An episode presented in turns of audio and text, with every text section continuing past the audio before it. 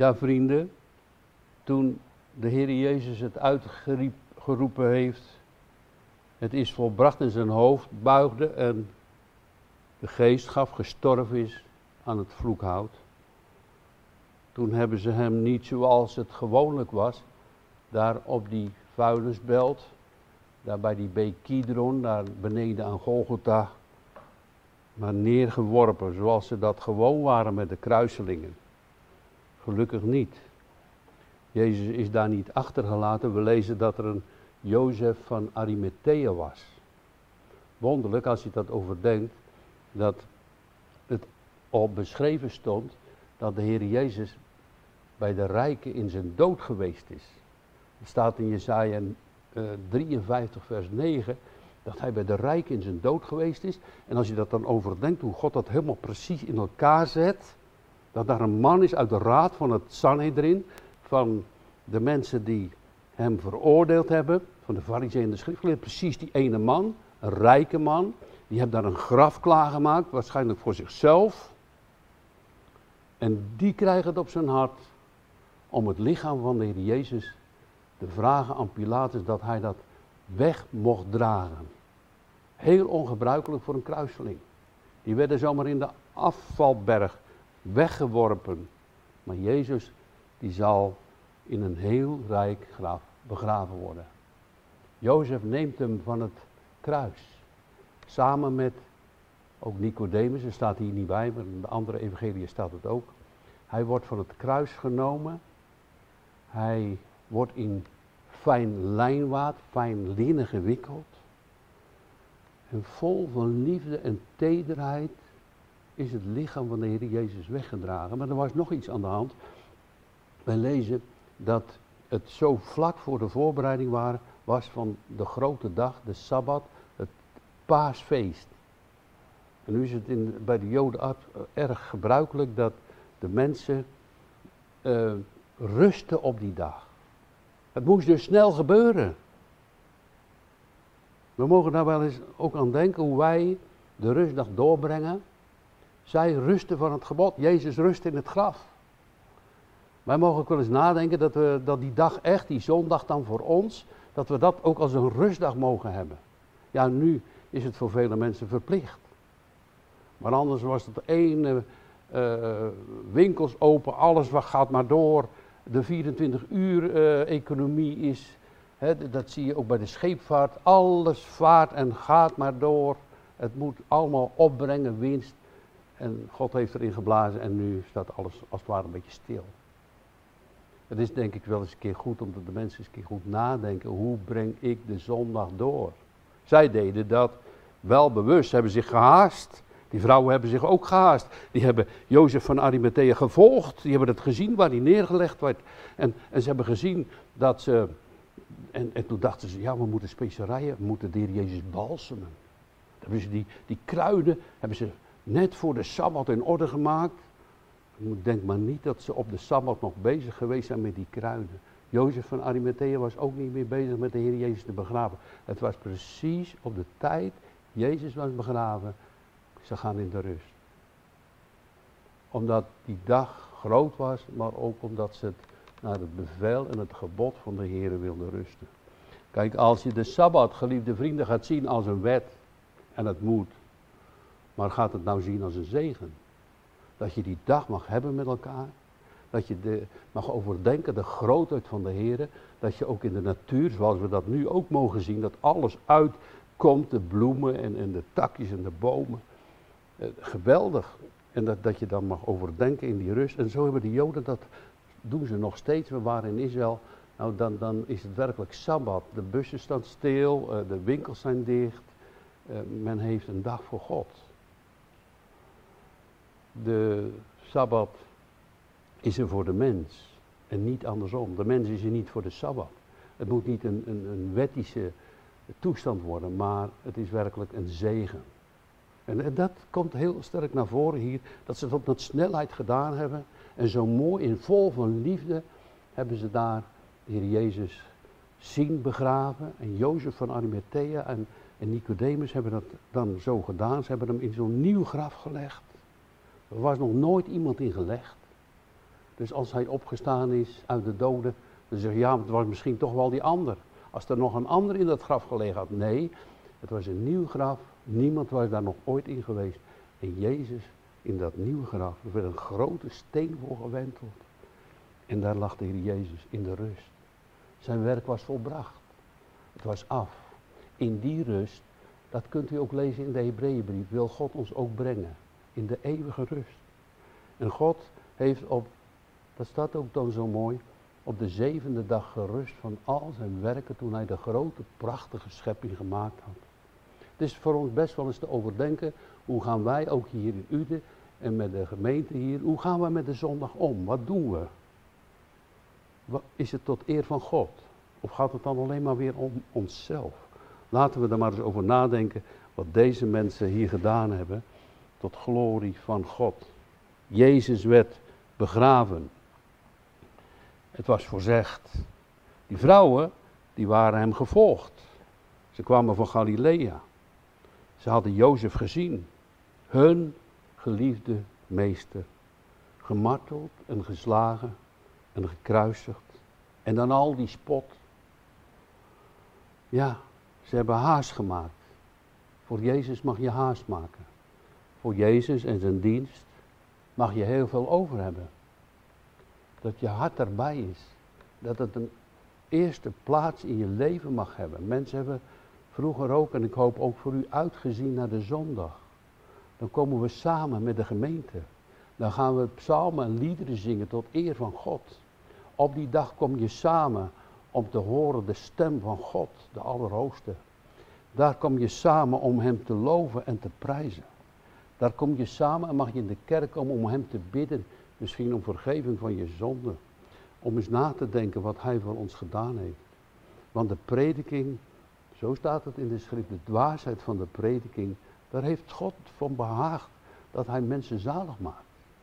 Dat wij zijn stem zullen horen door zijn woord en door zijn geest. Wat een geweldig woord. Wat een geweldige paasdag is het voor ons als we dat mogen zien. Hij daar gehangen aan het hout voor mij. En hij leeft. Hij is opgestaan uit de doden. En zo was het paascha begonnen. Daar in Egypte. Er werd bloed gesmeerd.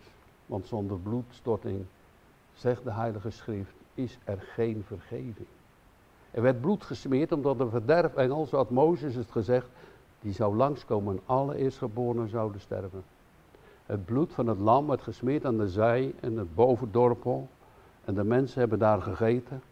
En ze hebben een paascha, paasfeest gevierd, zouden wij zeggen. Daar in Egypte. En, en ze zijn bevrijd geworden. Even later gingen ze bevrijd weg. Ze waren verlost van het slavenjuk. Ze gingen nu onder de wolkolom en onder de vuurkolom en ze zijn door de Rode Zee getrokken. Zo jammer dat zoveel daar toch in die woestijn gestorven zijn. God wilde ze in de rust brengen. Die eeuwige Sabbat, zo wordt dat wel genoemd. Maar toch heel velen zijn wel aangekomen. En Jezus moest nog geboren worden.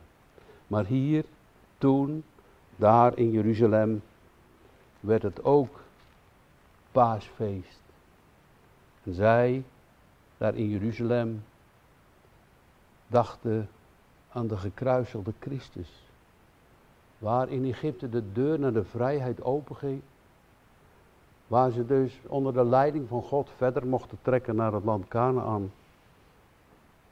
Lijkt het wel, en hebben ze gedacht, hier de Israëlieten en de discipelen en allen die de Heer Jezus lief hadden, dat de deur dicht ging dat Jezus dood was. Het lijkt er wel op dat, ze, dat er eigenlijk niemand was die het besefte dat hij zou opstaan uit de doden. Het was wel allemaal voorzegd. Het, was voor hen een, het moet voor hen wel een hele verdrietige paascha-dienst geweest zijn. Jezus dood. Wij, later hoor je dat bij de Emmaus. Wij dachten dat hij het was. Die Israël zou verlossen. Hoe kan dat nou? Het is onbegrijpelijk dat daar de Messias aan dat hout bespot, aan dat vloekhout, sterft. Dat hij het is.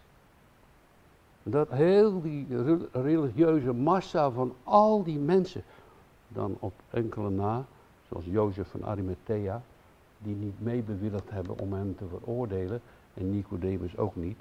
Het waren wel twee mannen die het in het geheim waren, hè? een beetje stiekem. Geheime discipelen, niet, vertel het maar niet. Daar, moeten wij ook aan denken, dat juist in deze tijd het heel belangrijk is dat we, dat we niet uh, maar alles stiekem doen, maar er eerlijk voor uit durven te komen dat we bij de Heer Jezus horen, dat we van Hem getuigen. Waarom, waarom zou je nou van Hem gaan getuigen? Nou, dat die ander het ook mag zien en horen wie jij was, hoe je kwam en hoe je gered bent. Hoe je door Hem geholpen bent. Hoe je door Hem, ja, jouw zonde aan dat hout genageld is. En dat je door Hem een nieuw leven mag ontvangen. Is zo belangrijk dat wij dat doen. Want een ander licht heb God voorlopig niet gegeven. Wij moeten zijn het licht der wereld.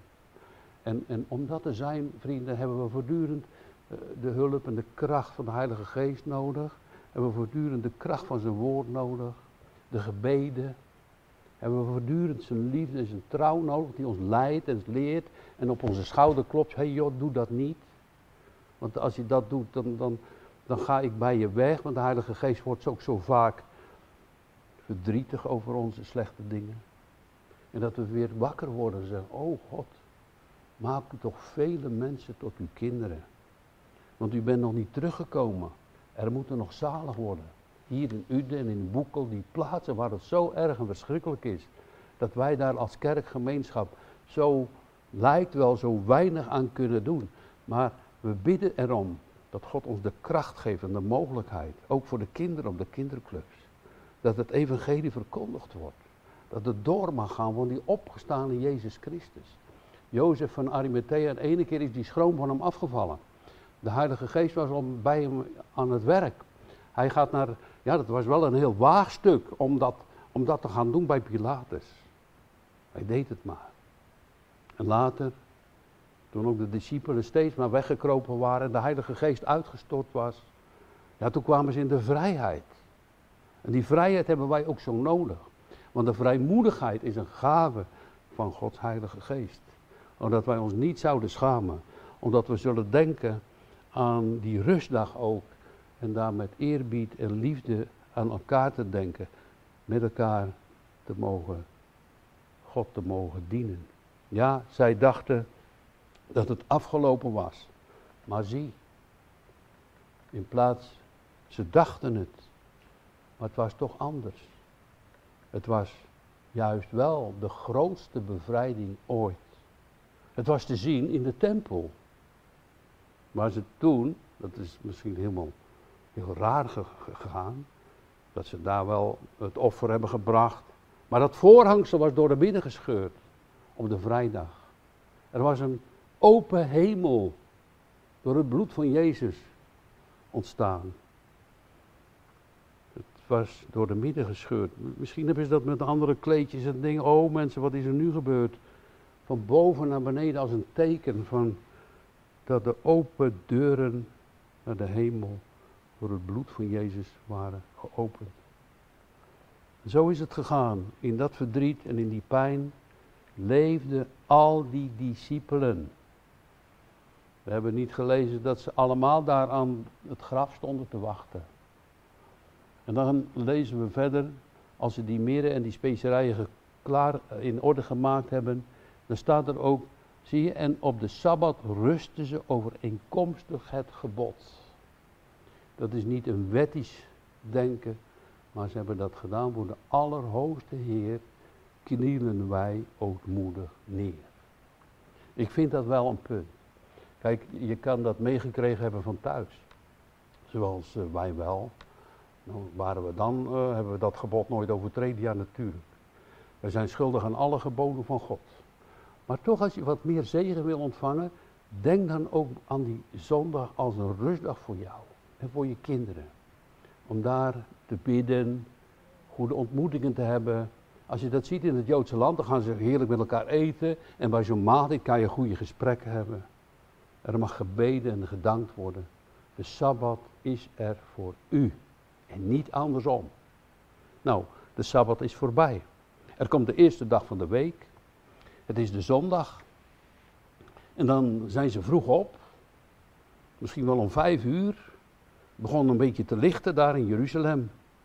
En dan gaan ze daar, waar ze vandaan kwamen, waar ze een verblijf hadden. We weten het niet. Maar ze gaan naar het graf toe. Met specerijen. Ze wilden de Heer Jezus balsemen. En dan, er staat ook dat er wachten waren gezet voor het graf. In de andere evangelie. De Joden hadden gezegd, ja, die, vooral die fariseeën de schriftgeleerden waren naar Pilatus gegaan en hadden gezegd, nou, ze gaan daar, die discipelen gaan dat lichaam stelen en dan zeggen ze dat hij opgewekt is. Zet er toch soldaten voor Pilatus, dan uh, kunnen die uh, discipelen er niet bij komen. En weet je wat er gebeurd is, geliefde vrienden? Er kwam een grote aardbeving, een licht uit de hemel, een engel kwam en rolde de steen van het graf weg. Die, die, al die soldaten zijn verschrikt weggevlucht. En ze zijn naar de discipelen gegaan, of naar de fariseeën schriftgeleerden gegaan. En zijn naar Pilatus gegaan en zeggen, nou, uh, joh, maak je niet ongerust. Maar uh, zeg maar dat het lichaam gestolen is van de Heer Jezus. Nee, God heeft de engel gestuurd. Niemand hoeft op Jezus te passen. Niemand hoeft op zijn dode lichaam te passen. Niemand hoeft op onze geliefde doden te passen. Dat doet God. Degenen die gestorven zijn aan kinderen van God, die zullen opstaan. God heeft het graf geheiligd. Hij zal die doden, ik dacht er vannacht nog aan, mijn vader, mijn moeder, mijn zus, de anderen, mijn opa, al die mensen, twee opa's, twee oma's, allemaal kinderen van God mensen. Ze zullen dadelijk opstaan, we zullen ze zien. God die waakt over het graf. Zou hij dan niet over het graf van zijn zoon waken? Nee, hij heeft geen verderving gezien. Wel met doorboorde handen. Hoe dat gegaan is toen hij opgestaan was. Hè? Uh, uh, uh, die gaten zullen er zeker nog in zitten, want ze zullen zien in wie ze hebben gestoken. Hè? Maar, maar ik denk dat hij zomaar geheeld is, zoals dat oor van Malchus. Hè? Dat was een ene keer af. Hè? Hij was victorie. Opgestaan. Overwinning. Glorie. Glorie over de grote naam van God. Hij heeft gedaan naar de wil van zijn Vader. Hij heeft gedaan voor onze zonde. Hij heeft verslonden de dood tot overwinning. Want hij stond op uit de doden. Laten we even ook nadenken.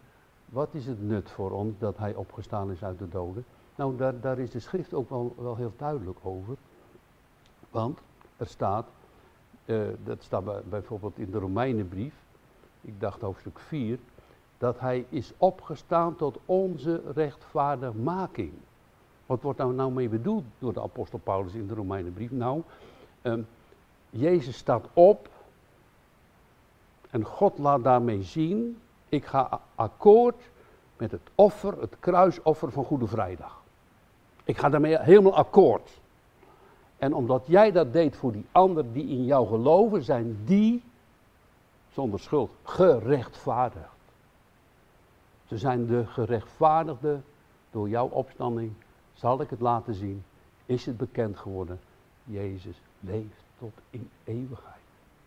Nou, ze zijn bij dat graf gekomen. Die vrouwen zagen dat helemaal nog niet. Voor ons, als we de schriften mogen horen en geloven, ja, dan weten we het. Het is paasfeest. Jezus is opgestaan. De kinderen mogen het weten. Maar heb je er genoeg aan dat je dus met je verstand weet, Jezus is opgestaan. Uh, hij leeft. Maar dat je ook mag weten voor je hart, hij is opgestaan voor mij. Hij heeft ook mijn zonde aan het hout genageld. Hij wil dat ik ook opsta iedere keer weer opnieuw soms, want we vallen zo vaak in een nieuw leven. Hij wil dat we in dat nieuwe leven wandelen. Dat we je kan het ook wel zingen, je kan het ook wel zeggen, maar dat het ook mag gebeuren. En dat kan wel eens tegenvallen. Het kan wel eens heel moeilijk voor ons zijn. Om dat nieuwe leven te zien in onszelf. We hebben zoveel dingen in de wereld. We vallen soms zo snel in slaap. We vinden dat ook zo'n verleidende kracht in die wereld. We worden erin meegezogen. En daarom hebben we juist de Heilige Geest nodig en de genade van God nodig die ons bij de hand neemt. En ook in die heiligmaking, dat is een vrucht van Jezus Christus. Dat we daar de rust in vinden. Dat het niet uit ons is. Maar als hij roept het is volbracht, hoeft er ook niets meer bij. Dat we uit zijn kracht leven. Het is een bron. Het is het manna. Het is het levende water. Uit die kracht kunnen we ontvangen. In de gebeden, Heer, zend uw licht, uw waarheid neer. Dat die mij leidt. Dat die mij brengt op de berg van uw heiligheid. Dat is de aanbiddingsberg van Sion. En als ze dan daar komen, die vrouwen, geliefde vrienden, daar vinden ze een steen afgewenteld van het graf. Hè? Ze zijn verbaasd. Als je de geschiedenissen zo doorleest, en die vrouwen die gaan het dadelijk vertellen aan de discipelen, als je dit, hoofdstuk verder leest. Nou zeg, dan, het staat een beetje zo, dat is ijdel geklap. Joh, dat is helemaal niet waar. Dat heb je maar in je gedachten. Dat is zeker jullie wens, dat hij opgestaan is. Dat geloof je toch niet? Maar goed, wat gebeurt er? De steen is afgewenteld. Het graf is open. Als je daar komt, bij de graftuin, zie je daar ook die grote ronde steen. En die is afgewenteld. Of dat nou precies zo was als toen, maar in ieder geval als symbool. En er staat een bordje in het Engels, hij is hier niet, hij leeft. En toen ze naar binnen gingen, ze zijn in dat graf ingegaan. Ik ben er ook ingegaan, je moet een beetje bukken. En dan kan je daar zo een, een, plaats waar een dode gelegd kan worden. Dan buk je daar zo in dat graf. Je moet een beetje echt voor bukken. En dan is dat helemaal leeg. Voor hen ook. Ze vonden zijn lichaam niet. Het lichaam van de Jezus was het niet. En ze dachten erover. En ze waren daarover in twijfel. dan, zie, twee mannen stonden bij hen in blinkende gewaden. Als u in de Hebreeënbrief leest, dan staat ook dat God zijn engelen uitzendt voor hen die de zaligheid zullen ontvangen.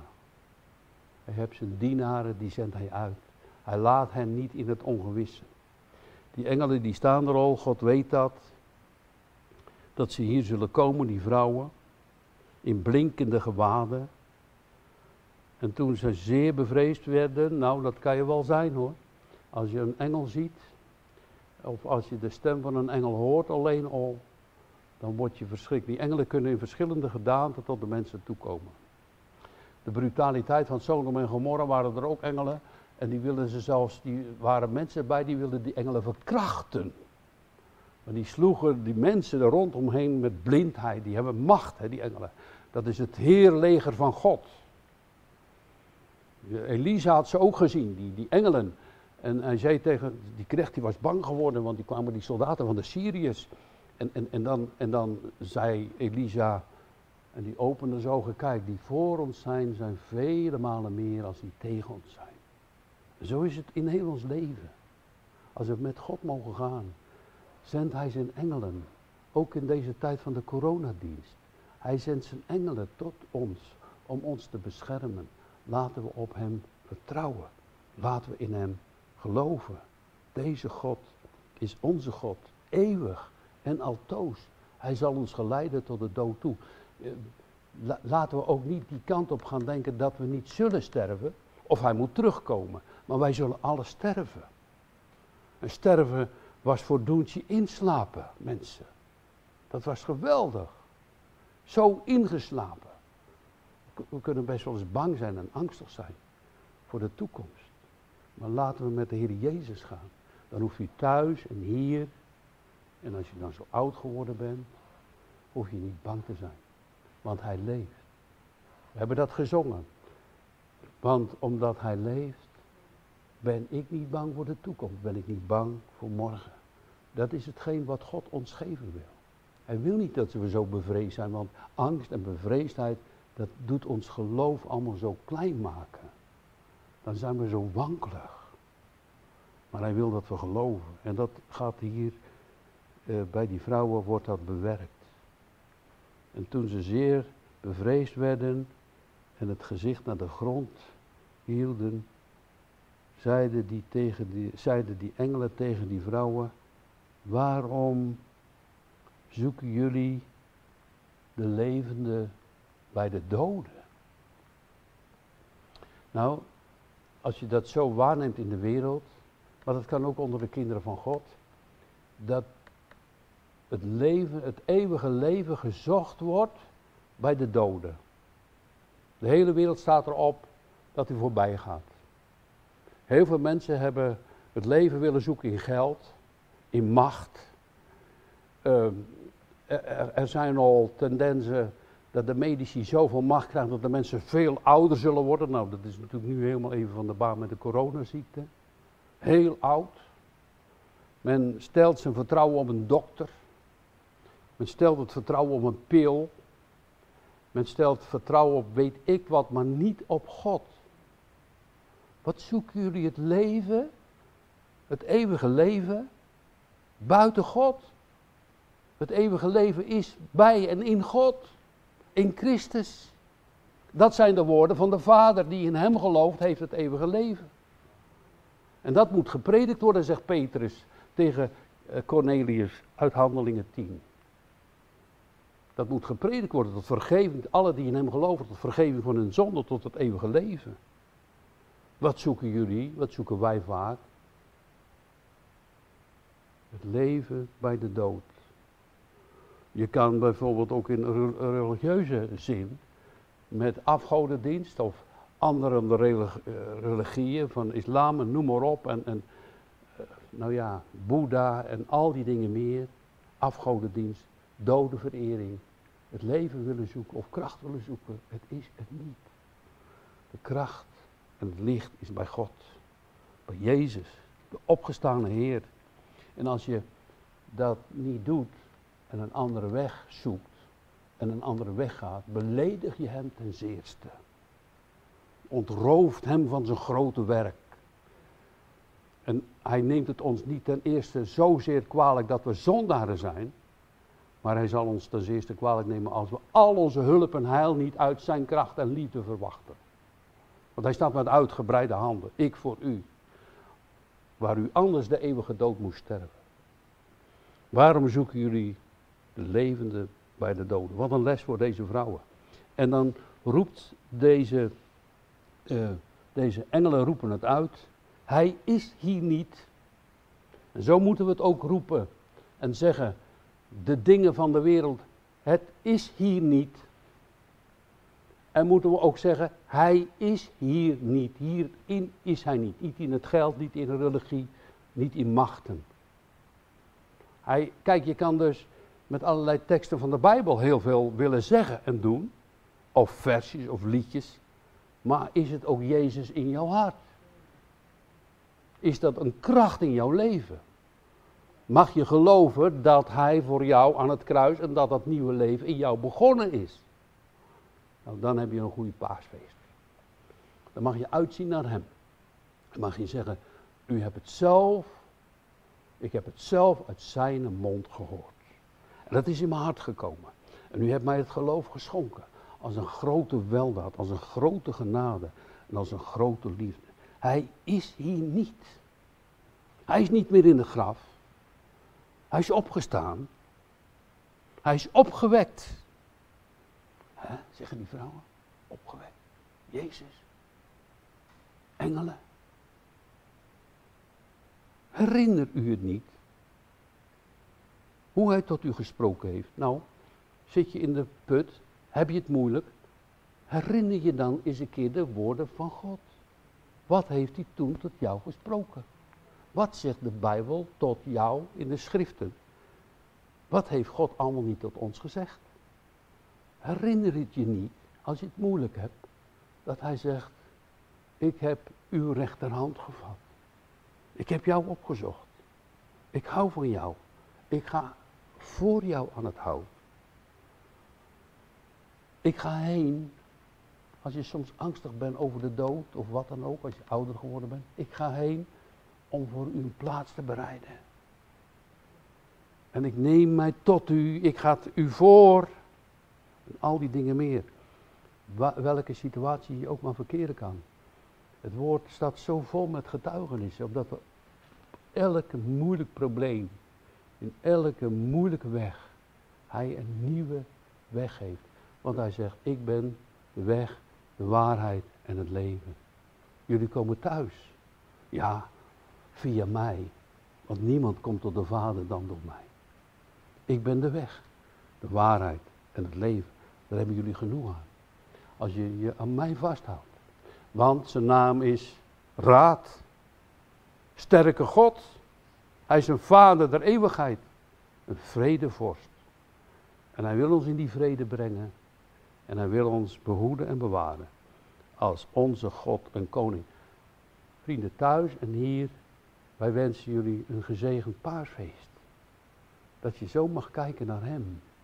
Met die vrouwen. Het was eerst allemaal zo moeilijk. Zo met die coronatijd. Het lijkt ook allemaal zo moeilijk paasfeest vieren. Op deze manier. En dan toch. Ja, hij is hier niet. Maar hij is opgewekt. Hij ziet ons wel. Hij is wel bij je in je hart en thuis als je in hem gelooft. Hij is opgewekt. Weet je niet dat hij het gezegd heeft? Dat de zoon des mensen moest gekruisigd worden in de handen van zondige mensen. Maar hij zal de derde dag opstaan. En zij, die vrouwen, herinnerden zich. Oh ja, toen. En toen. Zo zingt ook een psalmlied, hè? Als je het moeilijk krijgt in je leven, en ik, ik ga het maar proberen te citeren. Ik zal gedenken hoe voor deze ons de Heer heeft gunst bewezen. Ik zal zijn wonderen gadeslaan die hij heeft van ouds gedaan. Ik zal gedurig op zijn werken en zelf uitkomst merken. En in plaats van een bittere klacht, van oh oh wat is het voor mij allemaal moeilijk en donker, daarvan spreken dag en nacht. Ze herinnerden zich weer aan wat Jezus gezegd had. Dat hij opgestaan is uit de doden. En dan komen alle woorden tezamen. Dat wat ook zegt, er zou nog veel meer gepredikt en gesproken kunnen worden, zegt het einde van Johannes. Maar dit is geschreven omdat u gelooft dat Jezus is de Christus en dat u met dat geloof het eeuwige leven ontvangt als de erfgenaam van deze God. En dat u mag zijn, de bruid. De bruidegom is al boven en hij wacht. Want er moet nog een grote schare die niemand tellen kan zalig worden. Omdat we met witte kleren door dat bloed gereinigd. Want ja, wie zou dan met zijn eigen kleren daar kunnen staan, met zijn eigen zonde? Nee, met die bedekking van het bloed van Jezus mogen we dan gaan zingen met Mozes aan de glazen zee. Dat nieuwe lied. Halleluja, hij leeft. Wat een koning, wat een God. Gekruisigd voor mij, opgestaan uit de doden. Zoveel mensen twijfelen eraan. Zoveel mensen hebben dit allemaal weg willen poetsen. Toen hebben de Joodse Raad hebben dat al gedaan. Zeg maar, o soldaten, als jullie dat nou gaan vertellen, ja, dan, dan, dan gaat ons plan helemaal mis. Maar, maar vertel maar dat, dat die, hier alsjeblieft veel geld en, en dat die gestolen is. En, en, wij zullen wel voor Pilatus zorgen dat, dat Pilatus jullie niet het, het, moeilijk gaat maken. En zo gaat dat verhaal maar verder in de wereld. En dan mogen wij wel bidden. Uh, thuis en hier. En God aanroepen.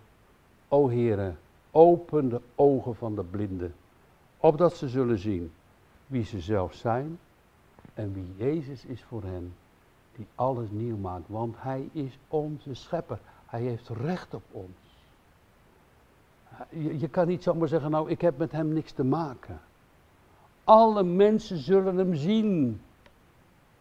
Zelfs hij, hem die Hem doorstoken hebben. En alle knie zal voor Hem buigen. En alle tongen zullen spreken dat Hij toch de Heere God is. Doe het nu. Er is leven door zijn bloed. Er is leven door zijn offer. En de Vader was voor de honderd procent, ja, mijn paar duizend procent, de volheid mee eens zoon Jezus Christus, die God en mens is, zo fantastisch afvolbracht. Daarom, gerechtvaardigd door zijn bloed en door zijn werk. Gaat u maar niet te veel verdrietig wezen hoor, thuis.